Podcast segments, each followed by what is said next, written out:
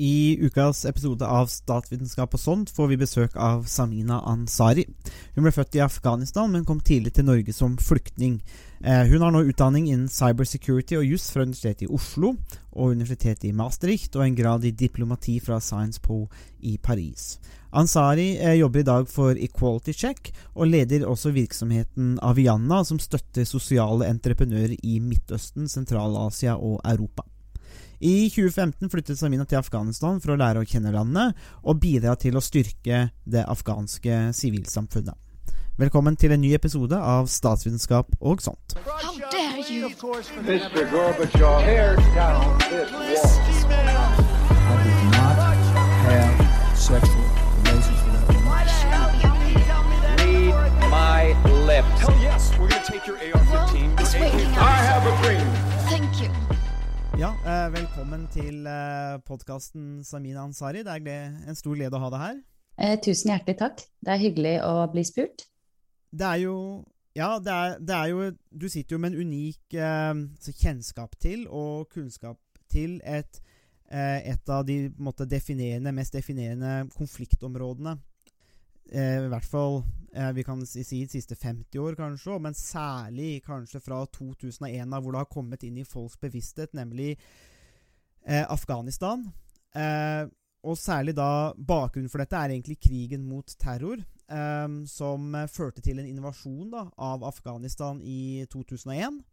Eh, og så har man hatt en, en saga gående der i ca. 20 år, eh, som kulminerte nå i august 2021 med med uttrekningen av amerikanske styrker og et eh, kaos, som egentlig må være den beste måten å beskrive det på, eh, i hva som, måte, hva som skjedde i landet der. eh, Særlig disse bildene fra Kabul og flyplassen og desperate mennesker som forsøker å komme ut.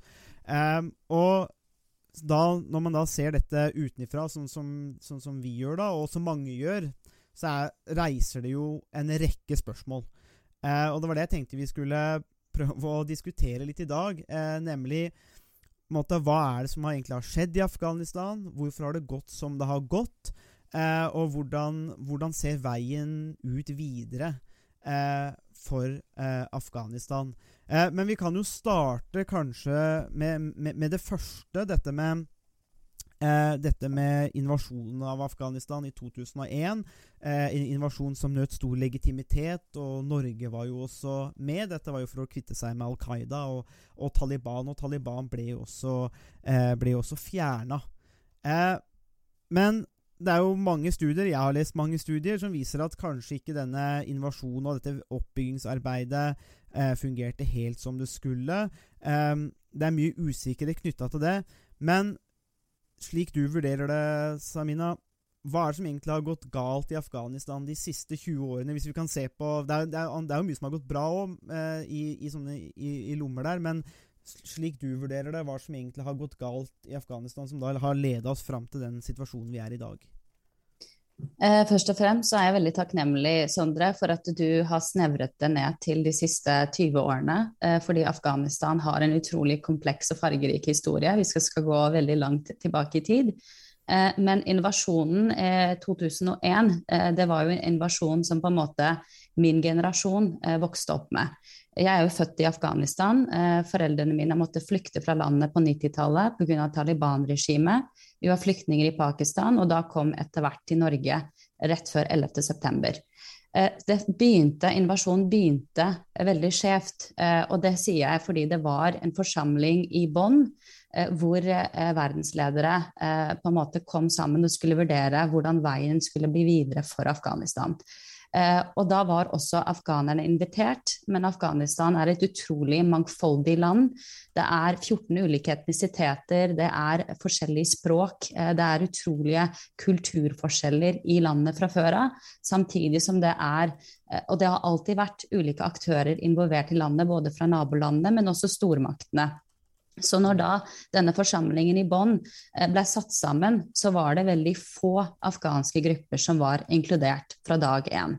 Eh, og det i seg selv forteller jo også om at det var en invasjon som på en måte fikk sin legitimitet fra en liten gruppe med afghanerne.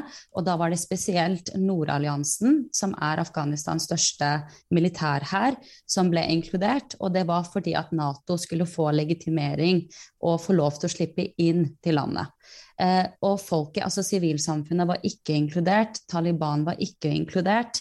Eh, og det sier jo seg selv at selv om de ikke var inkludert, så betyr ikke det at Taliban ikke eksisterte.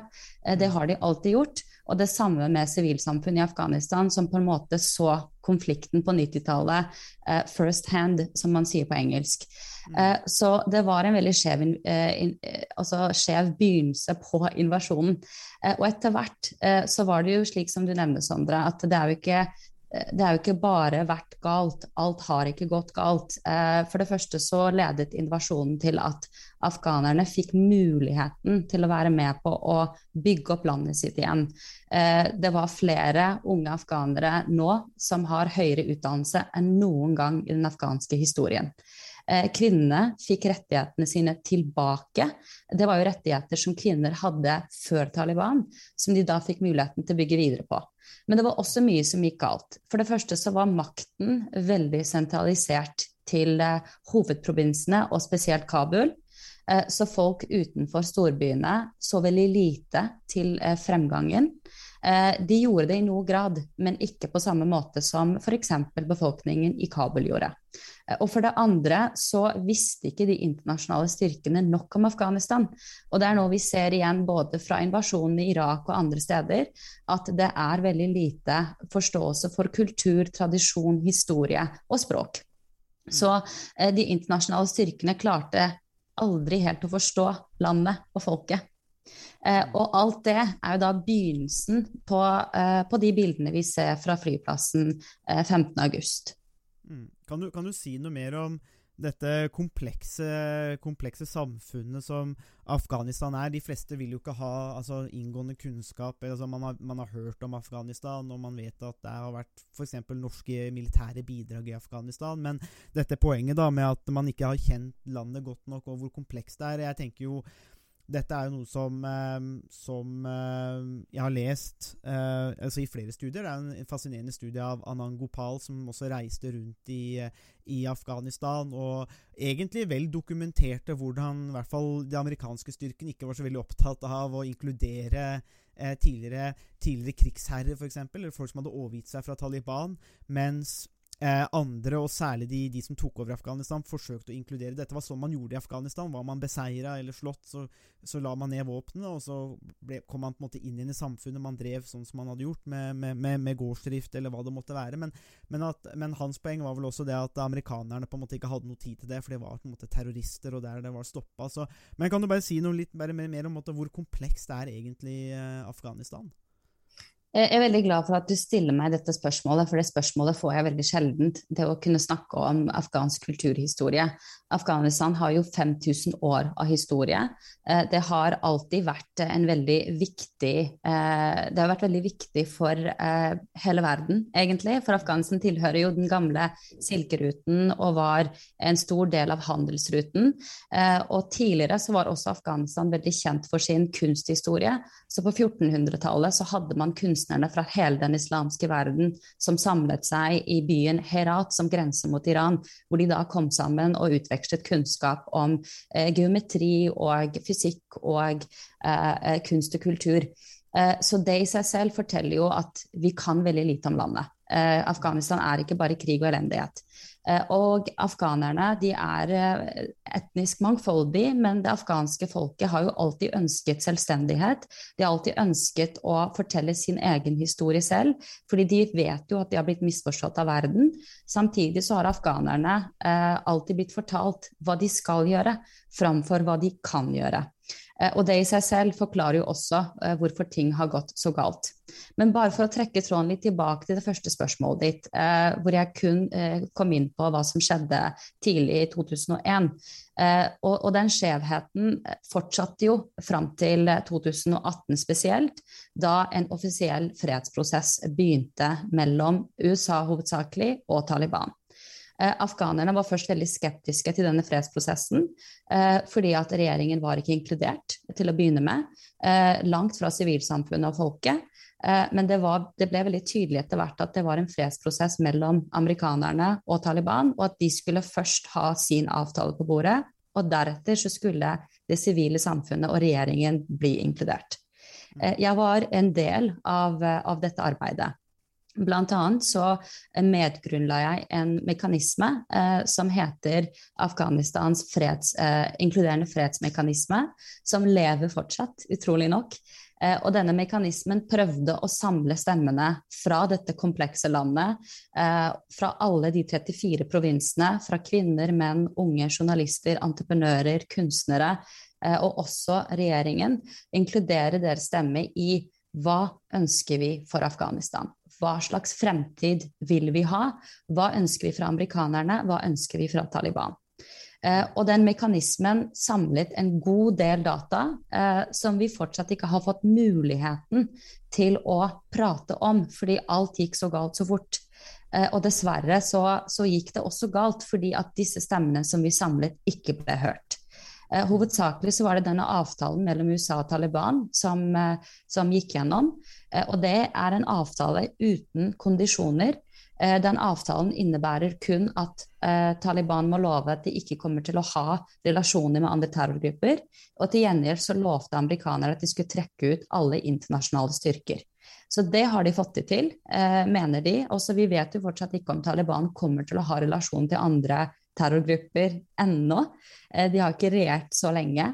Eh, men samtidig så har amerikanerne holdt sin del av avtalen og trukket ut alle internasjonale styrker.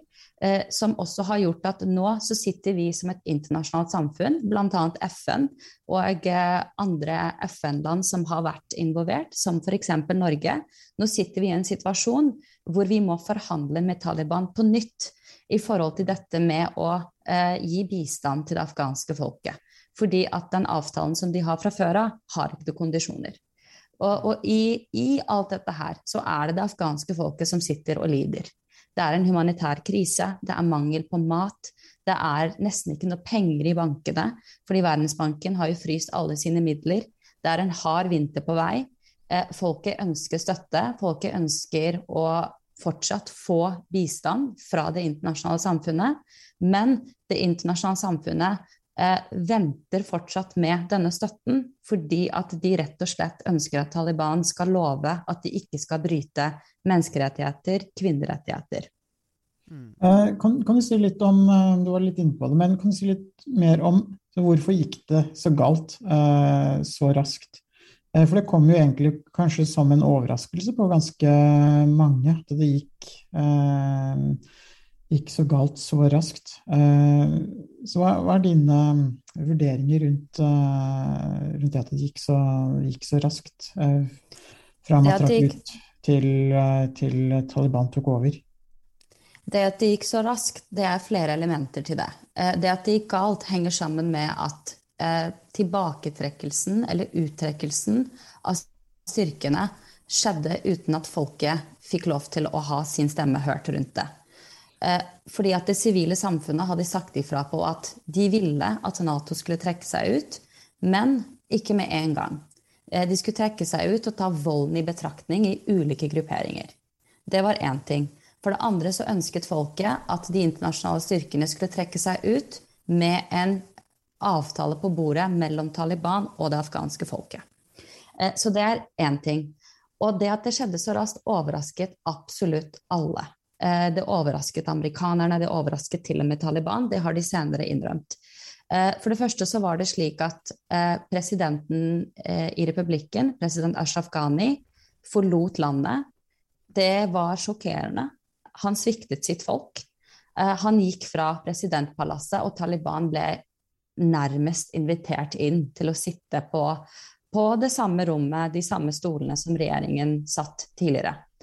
Eh, det var et element som ingen hadde forventet. Eh, og før den tid så hadde Taliban allerede tatt provins etter provins. Og de hadde gjort det på en så taktisk og effektiv måte at jeg tror at de afghanske styrkene som kjempet for republikken, rett og slett bestemte seg for at de ikke hadde noe sjans. Taliban fikk jo nye styrker eh, opp gjennom hele den prosessen, mens de afghanske styrkene fra publikken sin side, de hadde jo kriget i 20 år, de var helt utslitt.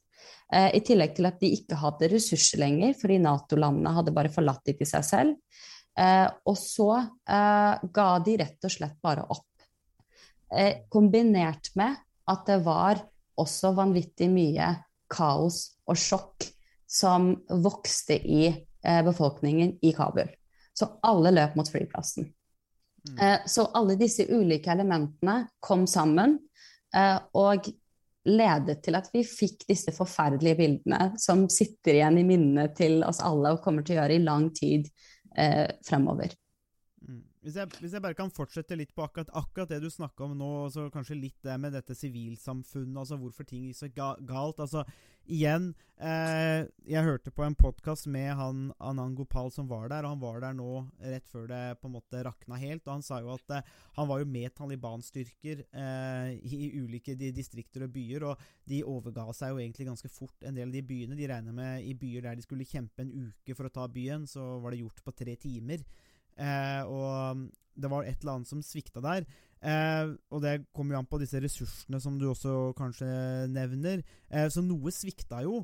Men det jeg lurer litt på, er fordi at eh, og det er kanskje litt eh, som, måte, som kanskje, fordi at det er denne sektoren som du har jobba mer inn mot, kanskje. Da, dette sivilsamfunnsaspektet, som også er veldig viktig for oss, da, som diskuterer statsvitenskap. på en måte, altså hva, Hvor viktig er dette sivilsamfunnet?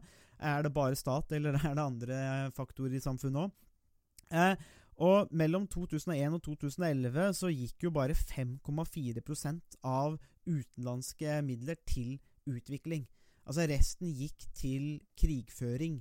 Eh, og eh, det Anand Gopal peker på, er at mye av det går egentlig bare til lokale krigsherrer. Eh, og da, da, lurer jeg litt på måte, hvordan du vurderer situasjonen. Altså Har man har det internasjonale samfunnet brydd seg nok om utviklingen i Afghanistan? Eh, eller har man bare måtte, proppa opp eh, militære, eh, lokale krigsherrer og ikke helt skjønt hvordan på en måte dette systemet fungerer i Afghanistan? Og, og så ser jeg også at igjen Sånn som Anand Gopal peker på, det er at uh, i noen, til, i noen da, i databaser står det at 85 av Afghanistan hadde legedekning eller skoledekning, men det men i, i under tallmaterialet så var det kanskje, kun kanskje bare én skole i et distrikt, og ikke noe mer. Altså man, man, brukte statistikken for å vri dataene. Så jeg tenker litt på Hva mener du om hva tenker du om at eh, Har det internasjonale samfunnet brydd seg nok? Har man vært seriøs på en måte i, disse, i engasjementet med å styrke institusjonen i Afghanistan, eller har man bare sett seg blind på kampen mot terror? Jeg mener at det internasjonale samfunnet eh, på veldig mange måter virkelig prøvde. Og derfor så er jeg veldig uenig i f.eks. Biden sin utsagn, president Biden sin utsagn eh, rett etter at ting gikk så galt, hvor han mente at vi var kun der eh, fordi at vi ønsket at Taliban ikke skulle eh, gi en base til terrorgruppene. Fordi at det internasjonale samfunnet var veldig mye til stede for også demokrati, stat og fredsoppbygging. Og som en del av dette arbeidet så var det fokus på sivilsamfunnet. Men det som på en måte er den rosa elefanten i rommet her, Sondre, er jo korrupsjon. Og det, det er jo altså sånn Hvis den første samtalen er Afghanistan, så er alltid punkt nummer to i den samtalen korrupsjon. Mm. Og korrupsjon er ikke uvanlig i unge stater. Det ser vi også eksempler på i nabolandene til Afghanistan. Eh, fordi at i 2001 så var det plutselig haugevis med dollarsedler som ble proppet inn i landet uten at det var systemer på plass. Uten at man helt skjønte hvordan man skulle håndtere disse pengene som kom inn. Eh, og det har jo selvfølgelig gått på, til gale lommer. Eh, men jeg tror ikke at det har hatt med viljen å gjøre. Fordi viljen har vært der både fra sivilsamfunnet i Afghanistan, men også humanitære organisasjoner eh, utenifra. Eh, jeg var en del av en, um, en veldig stor arrangement, det største arrangementet i Afghanistan sin historie noensinne. Hvor vi inviterte 1600 sivilsamfunnsaktivister fra hele landet i Kabul i mars i fjor. Eh, de kom sammen i Kabul til tross for sikkerheten, til tross for korona. Fordi at de virkelig hadde lyst til å fortelle det internasjonale samfunnet hva de ønsket.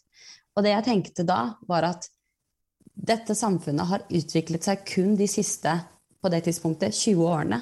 Og da må ha disse midlene ha gått et sted, for ellers hadde vi ikke hatt dette samfunnet. Eh, og da var det kvinner og menn eh, som hadde Noen hadde noe utdannelse, noen hadde ikke noe utdannelse, men hadde vært involvert i utviklingsarbeid på en eller annen måte. Eh, men dessverre så fikk ikke dette her noe medieoppmerksomhet. For det er ikke altså, det, det var ikke sexy nok. Så, så, derfor så vet vi ikke nok om det. Eh, men det har skjedd utvikling i landet på, på ulike nivåer. Alt fra at bønder har fått tilgang på mer frø, til at kvinner har kommet ut i arbeid, til at det har blitt flere skoler og helseklinikker rundt omkring i hele landet. Men selvfølgelig så skulle midlene gått til mer av det. Eh, men det ble kanskje stoppet opp allerede på vei inn til Afghanistan, eller på vei ut fra Kabul til provinsene. Eh, veldig interessant det du sier. For det, det som jeg kanskje har lurt en del på, og som som jeg syns er litt rart. fordi at eh, på den ene siden, så, som du beskriver, så har jo sivilsamfunnet til en viss grad gjort noen framskritt i løpet av de siste to tiårene.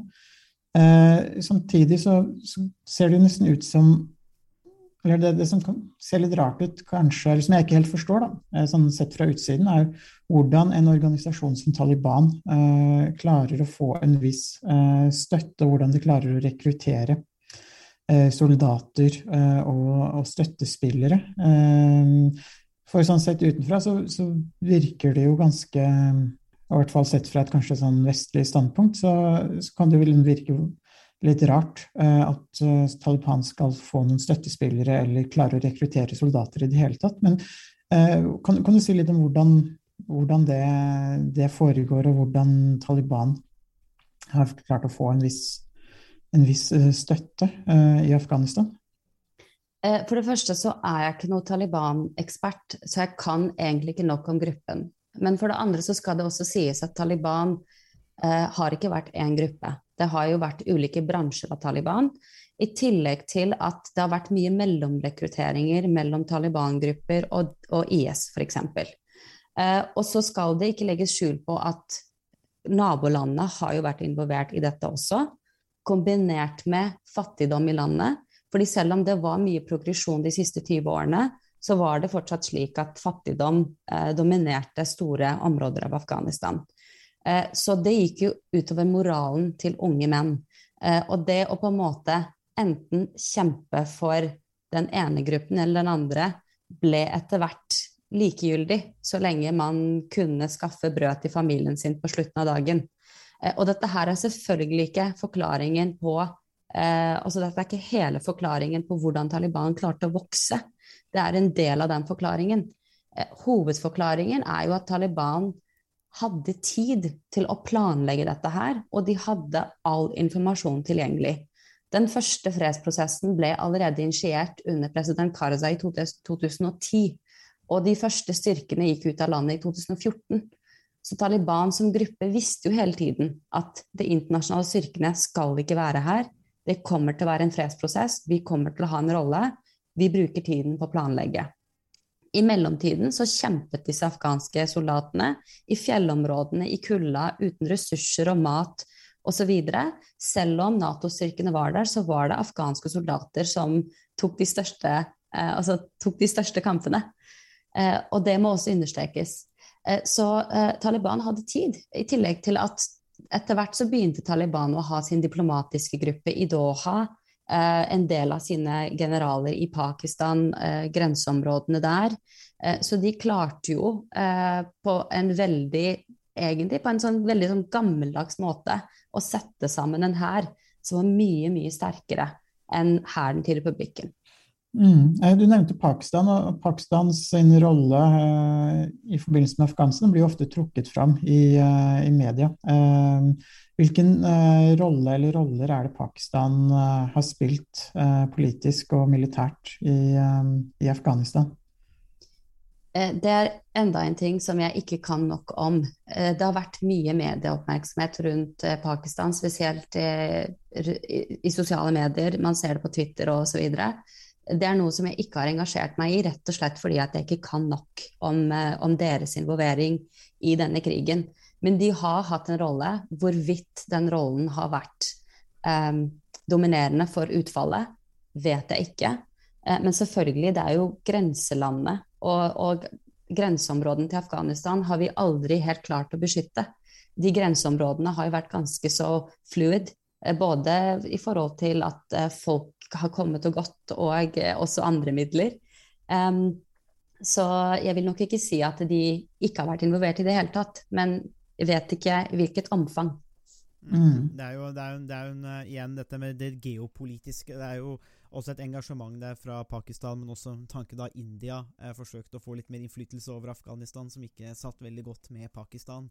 Eh, og Afghanistan, som, som, du kanskje også var inne på, ligger jo sånn til at den har, har jo stort sett alltid blitt, eh, stått laglig til for hugg eller utnyttelse av stormakter rundt seg. Det er jo på en måte prisen å, noen ganger å betale for den eh, plasseringen der. Men hvis vi flytter oss bare litt videre eh, Fordi eh, Du har vært litt inne på det allerede, men det er vel for å ta en oppdatering nå for lytterne, altså vi er jo da i vinteren 2021.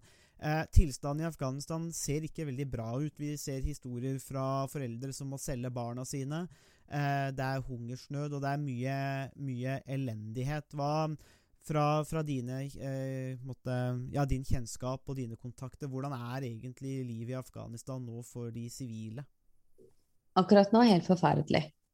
Eh, på veldig mange måter så føler jeg at afghanerne må hele tiden endre håpet sitt til mindre og mindre ting. Så fram til august, 15. Eh, august så var det fortsatt et håp om fred. Men nå er det et håp om mat.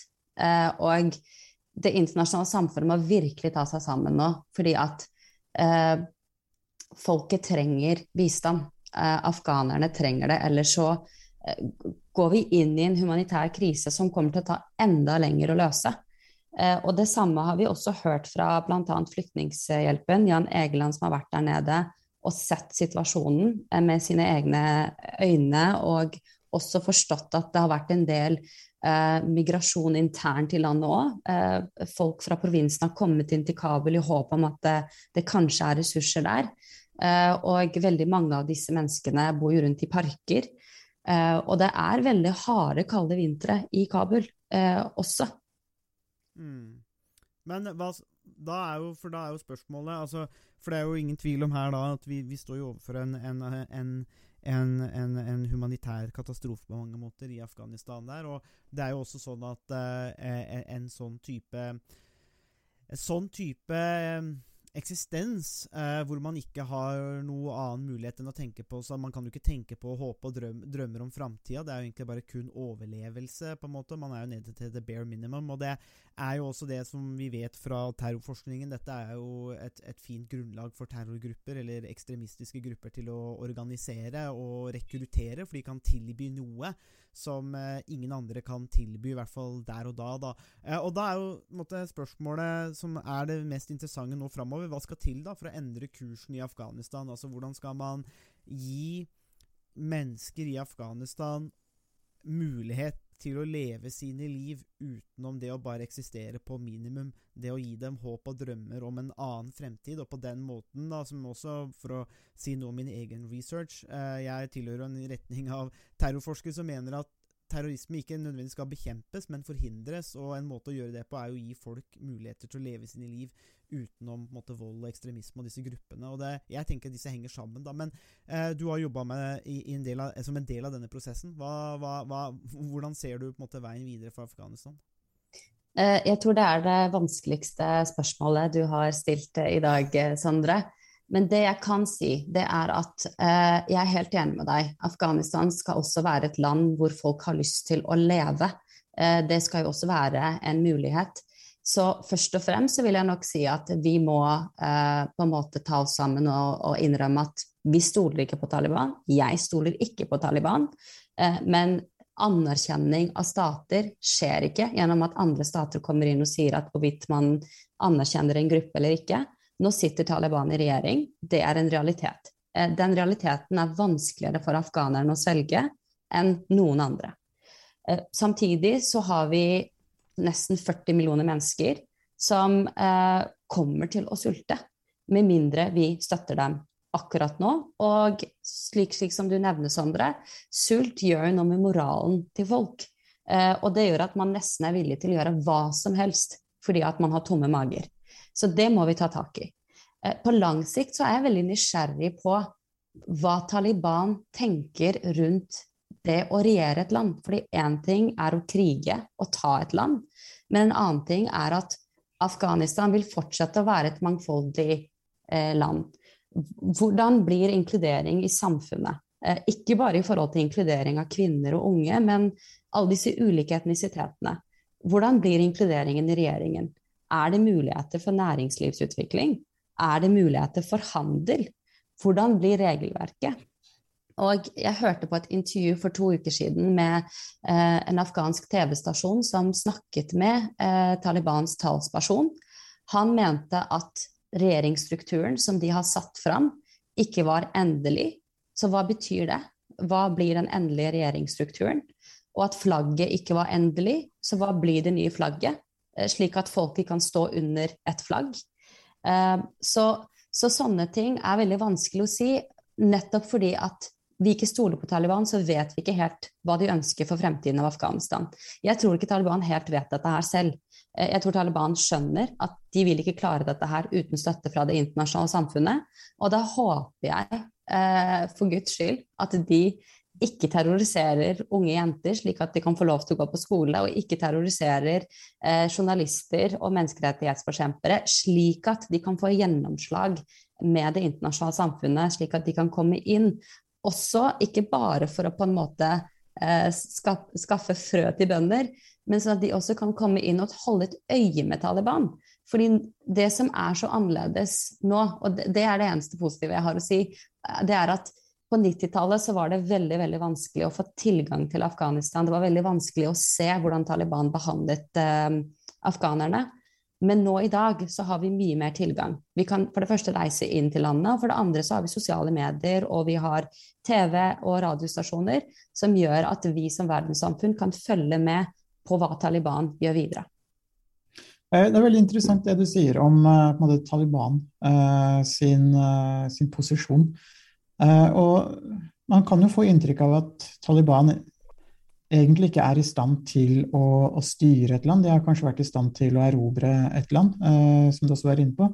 Men altså er, kan man se for seg at eh, Taliban vil miste eh, legitimitet ytterligere, eh, og at han vil kunne se eh, ulike former for motstand eh, mot Taliban i den situasjonen som, som, du har beskrevet nå med alle de de eh, utfordringene som gjelder både humanitært arbeid og økonomi og, og sivilsamfunn og andre ting? Jeg håper Taliban forstår at de trenger hele folket med seg for å få dette til.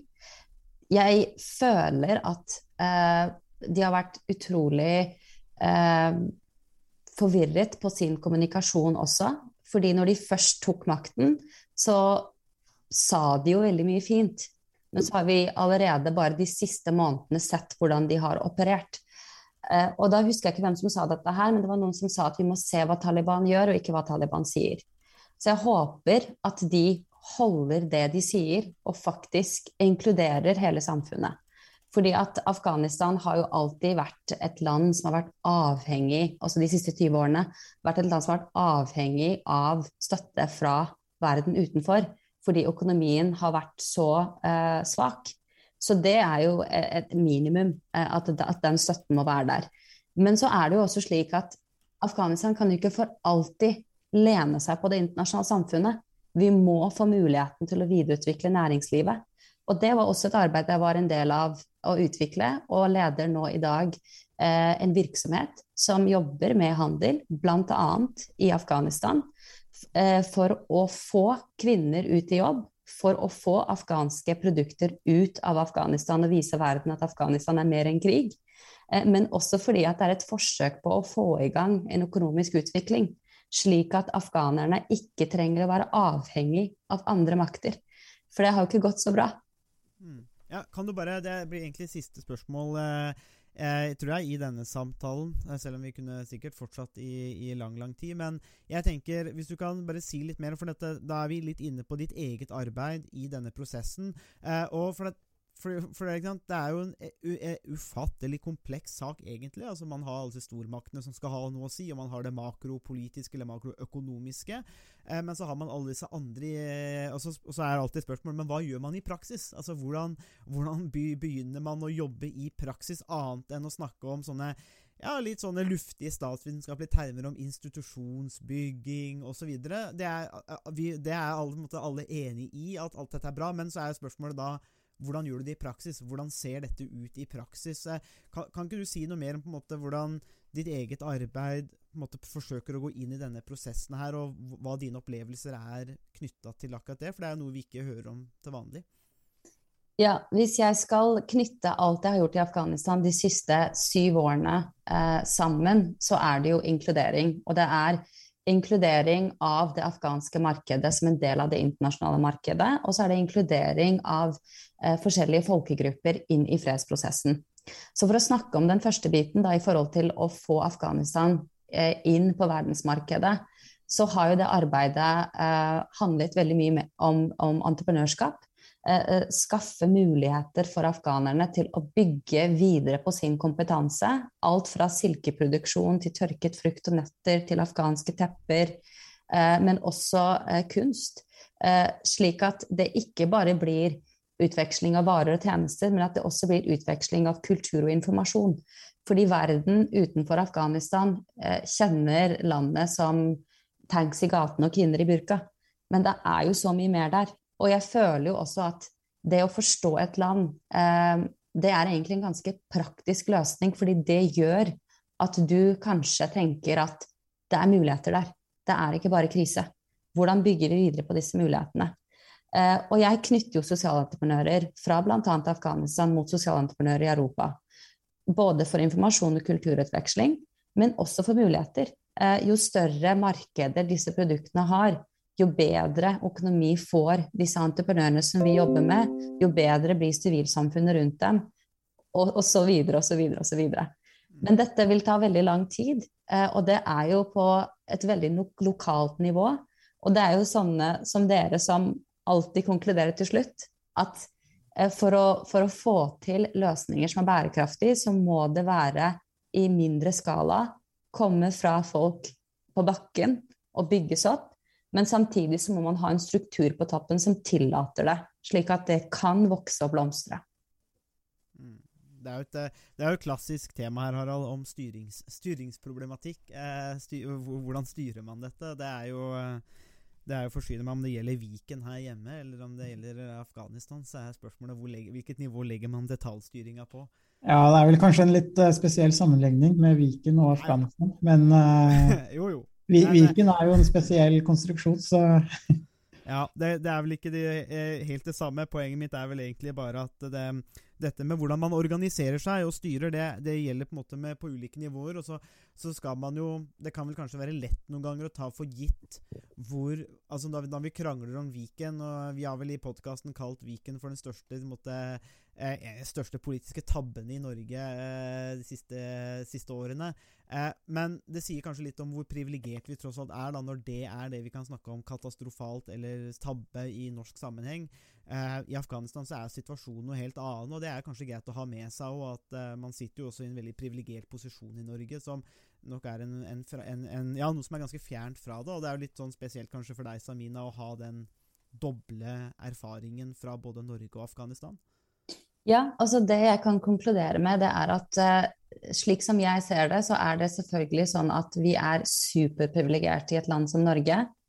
Men menneskehistorien uh, og sivilisasjonen sin historie, som Afghanistan hadde en veldig sentral rolle i fra begynnelsen på Altså begynnelsen av alt, uh, den tilhører jo ikke bare Afghanistan, den tilhører oss alle. Så det å støtte et land som Afghanistan, det, for meg så er det helt naturlig å støtte eh, begynnelsen på alt. Fordi at afghanerne er en del av menneskefamilien. De har bare vært veldig uheldig, altså Landet har vært veldig uheldig plassert. Eh, og på veldig mange måter blitt brukt som et sjakkbrett for eh, geopolitisk eh, makt og spill. Og jeg håper jo at jeg ser en fredelig Afghanistan under min tid. Um, jeg vet ikke om det er realistisk. kanskje mine barnebarn eh, får sett det. Men et sted må det ende, for nå har det foregått i altfor lang tid. Mm.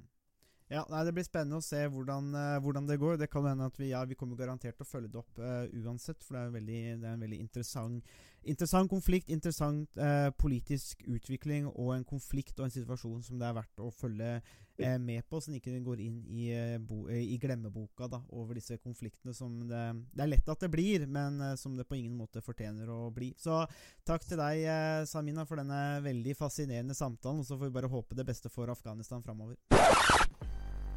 Det var det vi hadde å by på i denne ukas episode av Statsvitenskap og sånt.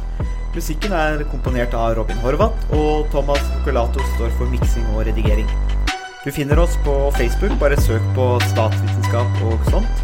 Der kan dere komme i kontakt med oss hvis dere har spørsmål eller kommentarer. Der finner dere også aktuelle artikler, videoer med mer. Vi setter pris på om dere liker sida, og deler den med andre som dere tenker vil ha glede av å høre på podkasten.